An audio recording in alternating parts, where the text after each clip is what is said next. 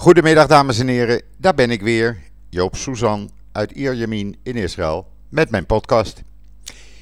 Ja, een beetje van alles wat vandaag in de podcast, want ja, in Israël never a dull moment, er gebeurt weer van alles.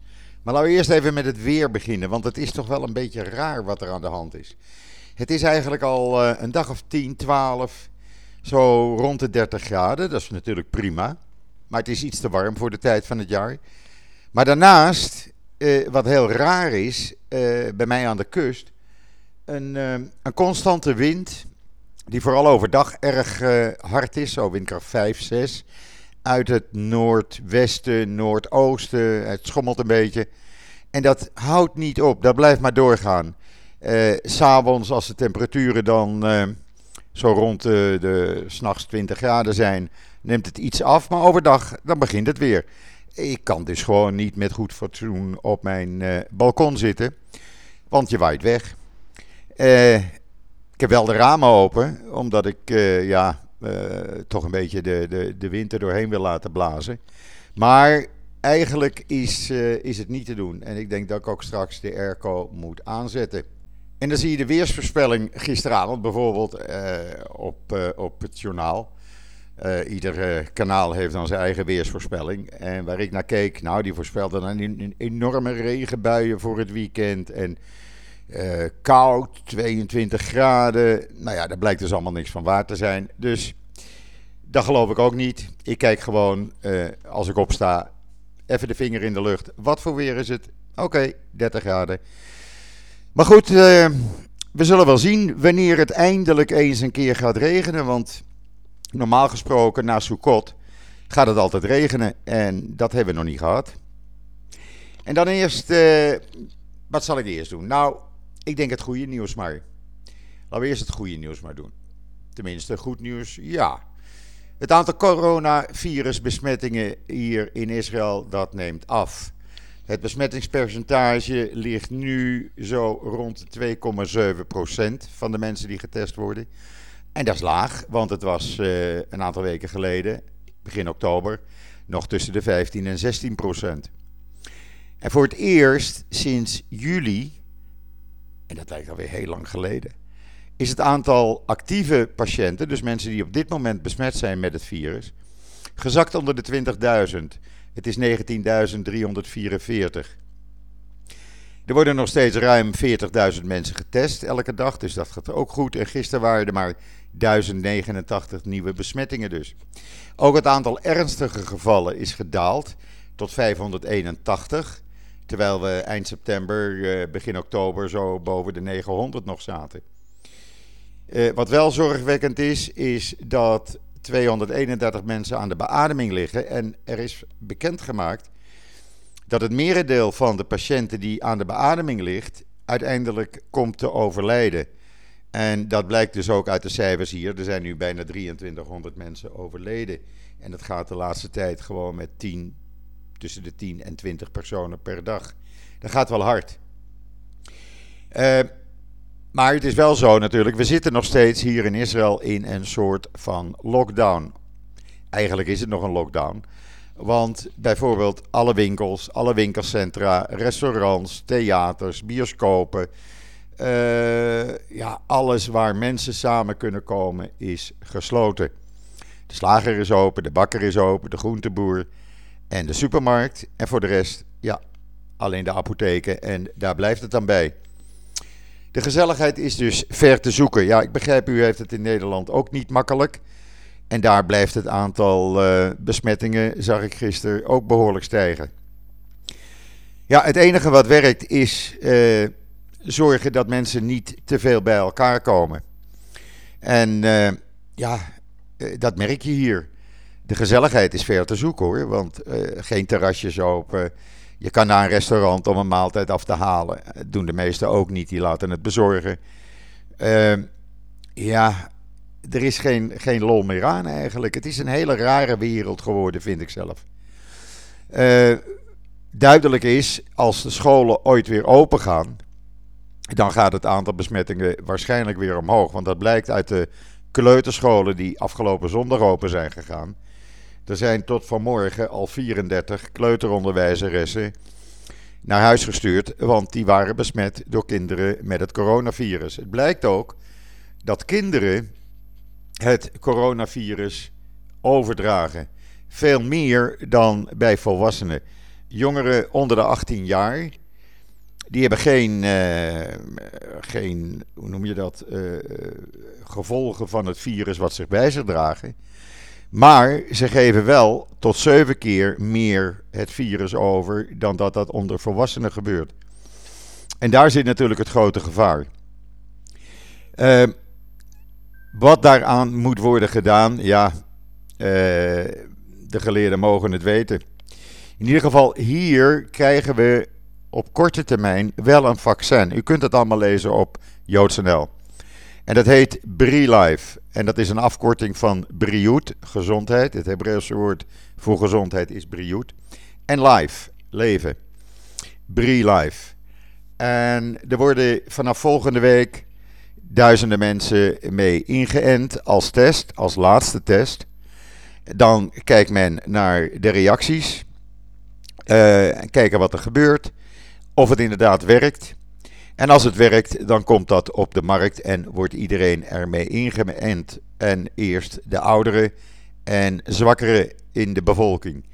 Dat is natuurlijk goed nieuws. Wat ook goed nieuws is, is dat een ander Israëlisch bedrijf volgende week begint met het testen op mensen, 500 mensen, met antilichamen. Uh, mensen die dus uh, het virus hebben.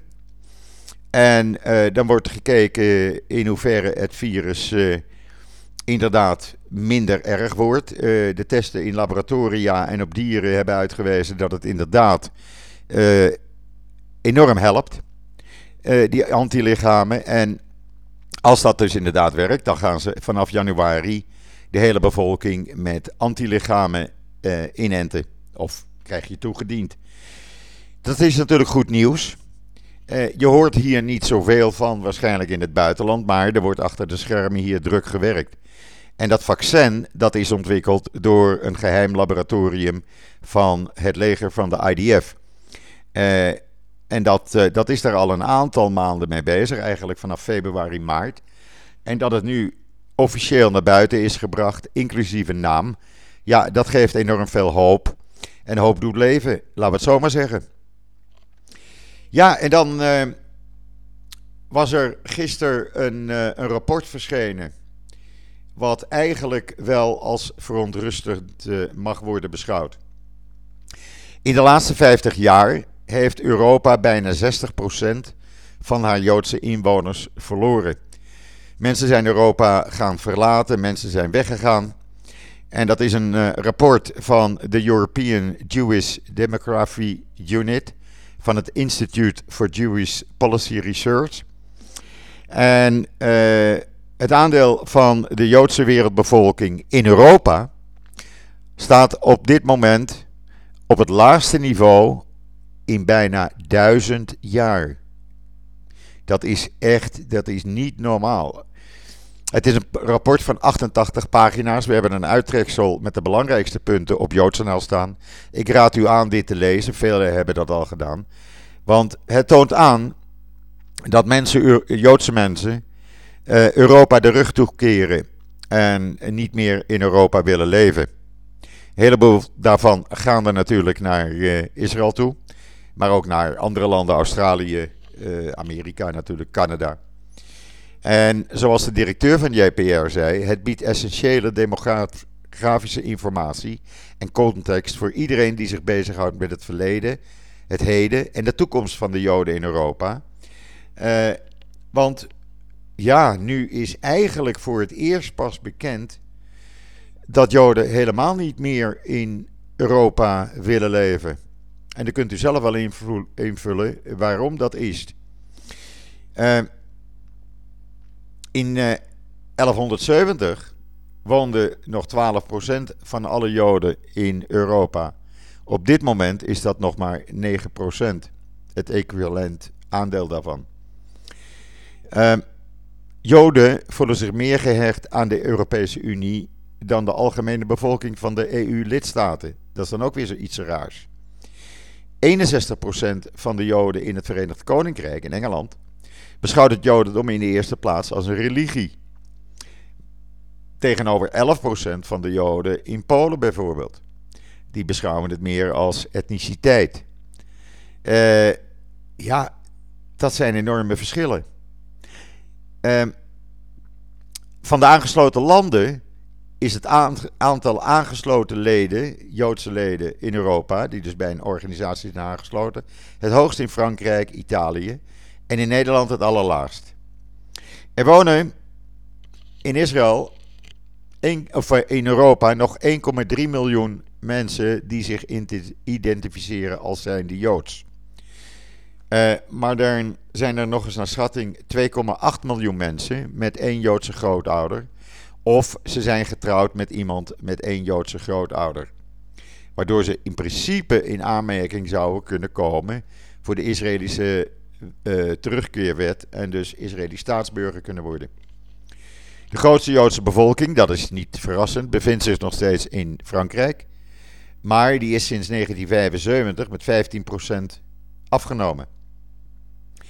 Uh, als je dan kijkt naar uh, het aantal uh, Joden per land, dan valt op dat uh, ja, Frankrijk is dan de grootste met 448.000. Maar in Nederland wonen er nog maar 29.800. En dat is heel wat lager dan de 40.000 die altijd werd gesteld. Wel is het zo dat er ongeveer 6.000 Israëli's in Nederland wonen. Dus bij elkaar spreek je dan, ja, dat zijn er ook eigenlijk minder, want er werd altijd gezegd, er wonen er 15.000 in Nederland. Um, ja, dat rapport, het verontrust.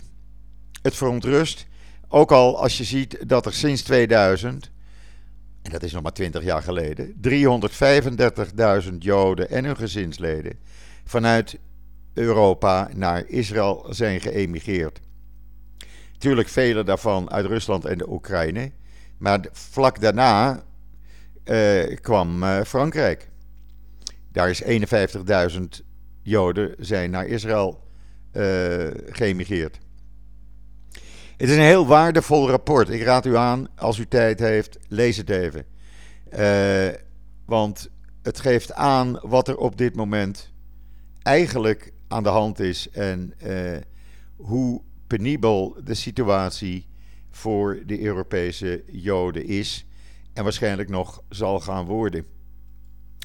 Ja, en dan uh, de politieke situatie hier in Israël. U weet, er zijn al maandenlang, twee keer per week, met het hoogtepunt elke week op zaterdagavond, grote demonstraties tegen premier Netanyahu. En die worden alleen maar groter, uh, is de verwachting, na wat er gisteren in de Knesset is gebeurd. Er was een motie ingediend uh, voor het instellen van een commissie om de rol van premier Netanyahu in de onderzeebotenaffaire te onderzoeken. Nou, de Likud-partij van Netanyahu ging ervan uit, ach, uh, daar hoeven we niet met z'n allen mee te doen, dus uh, die, die motie gaat het toch niet halen. Wat gebeurde er? Die motie haalde het wel, 25 stemmen voor, 23 tegen. Oppositie juichend, toen kwam uh, iemand van de, van de Likud-partij na de uitslag, nadat hij bekend was gemaakt, naar de voorzitter van de Knesset toe. En die zei: Ja, maar wacht even, wij hebben gevraagd om een hoofdelijke stemming en geen stemming met een knop. En wat zegt de voorzitter van de Knesset, die dus Likud-lid is en vertrouweling van Netanyahu? Oké, deze stemming is dus niet geldig. De motie is niet uh, aangenomen want ik verklaar de stemming ongeldig. Ja, dit is natuurlijk tegen alle democratische regels in. Dit kan gewoon niet. En dat is nooit eerder voorgekomen uh, in de Israëlische politiek sinds de oprichting van de staat Israël. En uh, ja, u kunt zich voorstellen dat dat natuurlijk hot news hier is. Uh, omdat het weer duidelijk is dat ja, nu de Knesset-voorzitter zijn rol heeft misbruikt zeg ik dan, om uh, Netanyahu te beschermen. Het was zelfs zo dat op een gegeven ogenblik werd bekend dat Netanyahu de vergadering van het coronaviruskabinet opschortte. En hij zei tegen iedereen: ga naar de Knesset toe en ga stemmen dat die uh, motie die opnieuw in stemming wordt gebracht niet wordt aangenomen. Nou, dat is ook gelukt, want inmiddels waren alle oppositieleden al uit de Knesset verdwenen.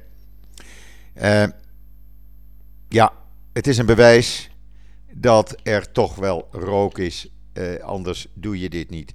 Dan ga je niet dit soort ondemocratische uh, regels uitvoeren. Dan ga je niet zorgen dat een motie die wettelijk is aangenomen, dat die gewoon geannuleerd wordt. Dat kan niet. Dat heb ik ook nog nooit in enige democratie meegemaakt. Ja, in een staat waar een dictator is gebeurt dat, maar niet hier in Israël. En wat gaat er nu gebeuren, zult u willen weten? Nou, het lijkt erop dat het Hoge Rechtshof nu zijn oordeel moet vellen hierover. De oppositieleiders zijn naar het Hoge Rechtshof gegaan en hebben een officiële aanklacht ingediend. Dat heeft ook uh, de organisatie voor Quality Government gedaan. Uh, en die hebben bij aan het Hoge Rechtshof gevraagd: kijken jullie hier nu eens naar? Uh, want dit kan gewoon niet. Dit is juridisch en democratisch niet mogelijk wat hier is gebeurd. Dat geeft een beetje rare smaak.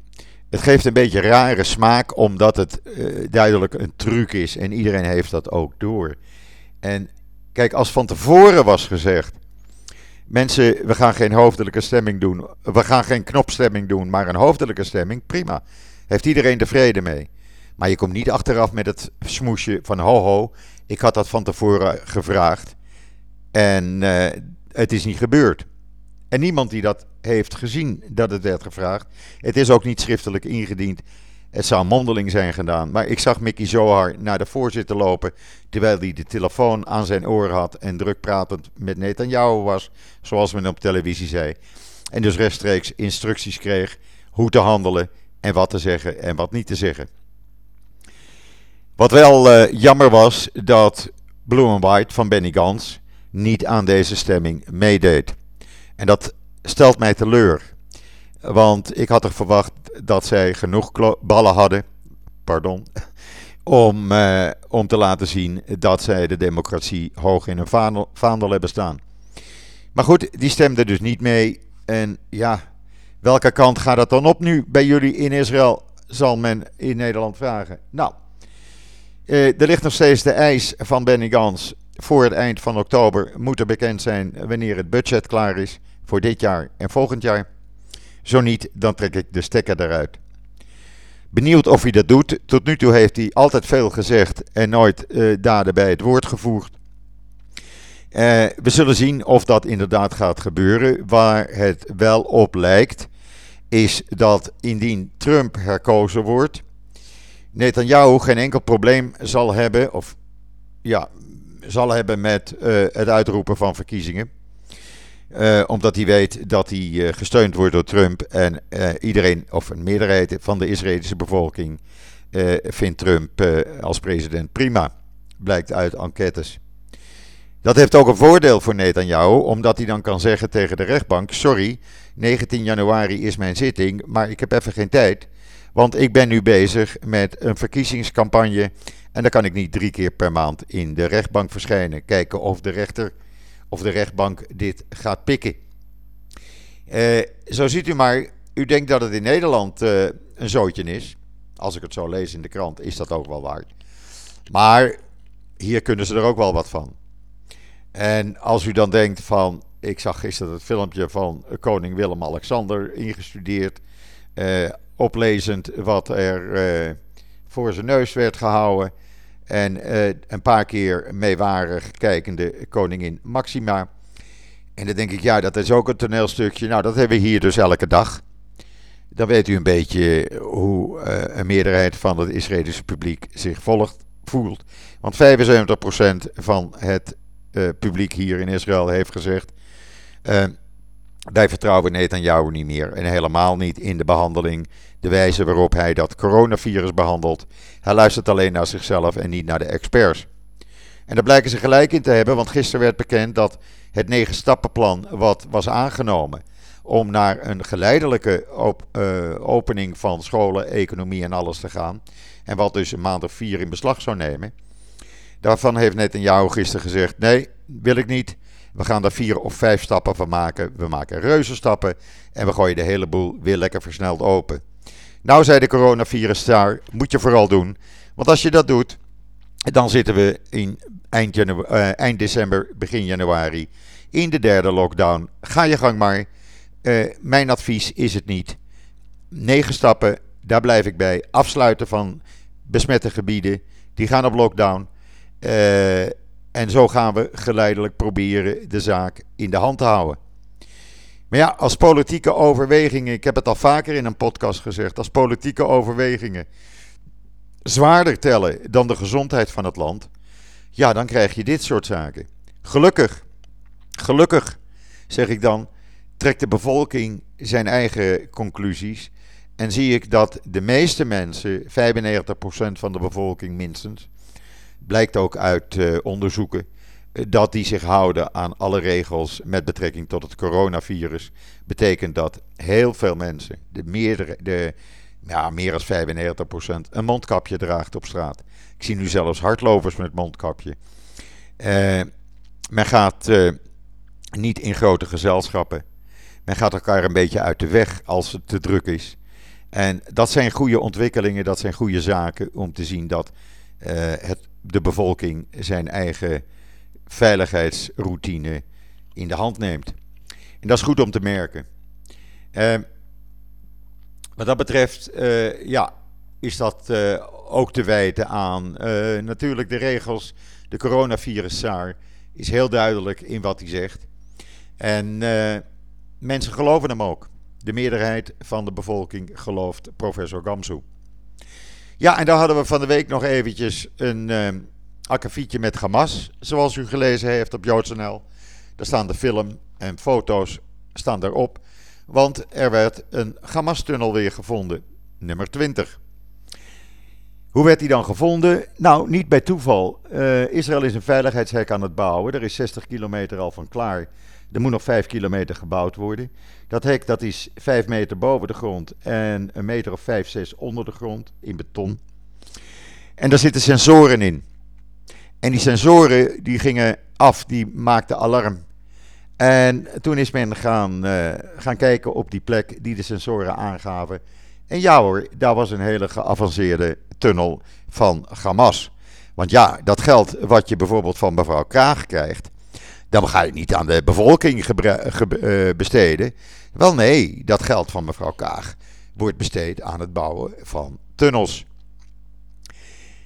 En uh, u ziet maar weer dat het dan, ondanks dat het miljarden kost, een goede zaak is dat dat veiligheidshek er komt. Uh, nu is het zo dat tussen de grens met Gaza en het veiligheidshek ligt nog een stuk niemandsland. En eigenlijk daar heeft men dus die tunnel uitgegraven. En heeft men hem, of is men hem op dit moment aan het vernietigen. Ja, dat was een hele geavanceerde tunnel. En uh, zonder van het geld, daar had Hamas honderdduizenden mensen mee kunnen helpen. Maar ja, dat doen ze dan schijnbaar niet. En mevrouw Kaag blijft heerlijk geld geven. U heeft dat ook gisteren kunnen lezen. Eh, en eergisteren in een aantal artikelen. Die wij eh, op verzoek van NGO Monitor op uh, onze site hebben gezet. Bijvoorbeeld gisteren, ik zat ook in een Zoom-conferentie daarover. Dat is bekendgemaakt dat de EU, die royaal de Palestijnse NGO's financiert. ja, de meeste van die NGO's hebben banden met terreurgroepen zoals Fatah, Hamas en andere Islamic Jihad en andere groepjes. En wat zegt NGO Monitor? Het, bezorgt, het zorgt voor verdeeldheid. Het helpt de terreurclubs en het, uh, uh, het helpt ook het antisemitisme te laten groeien. En ja, dat is natuurlijk uh, een hele slechte zaak. En ook Nederland maakt deel uit van de EU. En Nederland is daar dus net zo schuldig aan. Wat is er nou gebeurd? U heeft dinsdag kunnen lezen dat NGO Monitor, we hebben de brief ook op uh, JoodsNL staan. Een brief heeft geschreven aan de Nederlandse regering. naar aanleiding van uh, vragen die gesteld waren door Geert Wilders. over de financiering van terreurclubs. Want dat ging dan met name over Al-Mezan. Daar hebben wij vaker over geschreven. Dat schijnt een, zeggen ze, een humanitaire club te zijn in Nederland. Of eh, in de Palestijnse gebieden. En Nederland financiert die club van harte. Nou, een van de leiders van die club is verleden jaar betrokken geweest bij de moord op de 17-jarige Rina Snerp. Zit ook in Israël gevangen. Men heeft banden met de terreurclub PFLP. En wat blijkt nou? Dat in een van de antwoorden die u ook, de link staat in het artikel op JoodsNL van dinsdag. Een van die antwoorden uh, van de Nederlandse regering aan El Mazan, die hebben dus tegen die club gezegd: jongens, wacht even, we hebben nu 10,7 miljoen uh, aan jullie uitbetaald, 10,7 miljoen euro. We moeten nog 300.000 euro uitbetalen. Dat stoppen wij. Eh, natuurlijk uh, iedereen uh, gerustgesteld in de Tweede Kamer. Goed, Nederland stopt de financiering. Maar wat heeft men gezegd tegen Almezan? ze hebben gevraagd aan Almezan: verwijderen jullie nu al je social media post, waar een link is dat jullie terreur zouden steunen? verwijder alle Twitter- en Facebook-berichten en Instagram-berichten over geweld, wat jullie uh, toejuichen. Uh, zorg dat er geen contradicties zijn uh, als er vragen wordt gesteld in jullie antwoorden. En als dat allemaal gebeurd is, dan zullen wij, Nederlandse regering, bij monden van mevrouw Kaag en meneer Blok, 300.000 euro alsnog overbetalen. En dan hebben jullie de volle 11 miljoen binnen. U kunt het gewoon allemaal lezen in de antwoorden van uh, Kaag en Blok. En als u die antwoorden gewoon even goed, uh, goed bekijkt, dan ziet u dat er gewoon een samenspel is tussen de Nederlandse regering en uh, de Almezan, zogenaamde Humere, maar ik zeg terreurclub in de Palestijnse gebieden. Uh, lees dat artikel en doe, uh, ja, denk daaraan als u uh, in maart in het stemhokje staat en uw stem gaat uitbrengen. Uh, want dit kan natuurlijk totaal niet. Gewoon geld geven aan terreurclubs, naar buiten zeggen van het is allemaal geregeld. Maar ondertussen die terreurclub van advies dienen hoe te handelen en wat te doen om alsnog de ontbrekende 300.000 euro te krijgen. Wij blijven met NGO Monitor hier verder aan werken. Eh, niet dat ik er een dagtaak aan heb. Zij doen het meeste werk, maar wij zijn dan wel een soort van spreekbuis. Want het blijkt dat de Nederlandse media hier totaal geen interesse in hebben. De rapporten die ik ontvang van ze om te publiceren, worden ook naar Nederlandse media gestuurd. En Nederlandse kranten eh, en televisieprogramma's besteden hier niets mee. Gooien het weg, gooien het gewoon in de prullenbak. Nou, wij doen dat niet. En wij blijven aandacht hieraan besteden. Dat brengt mij alweer tot het einde van deze podcast. Ik zie dat ik er alweer een half uur op opzet. Gaat toch ook zo snel. Rest mij u nog een heel uh, fijne uh, dag verder toe te wensen. Alvast een mooi weekend. En alvast Shabbat Shalom vanuit Israël. En wat mij betreft zeg ik tot ziens. Tot maandag.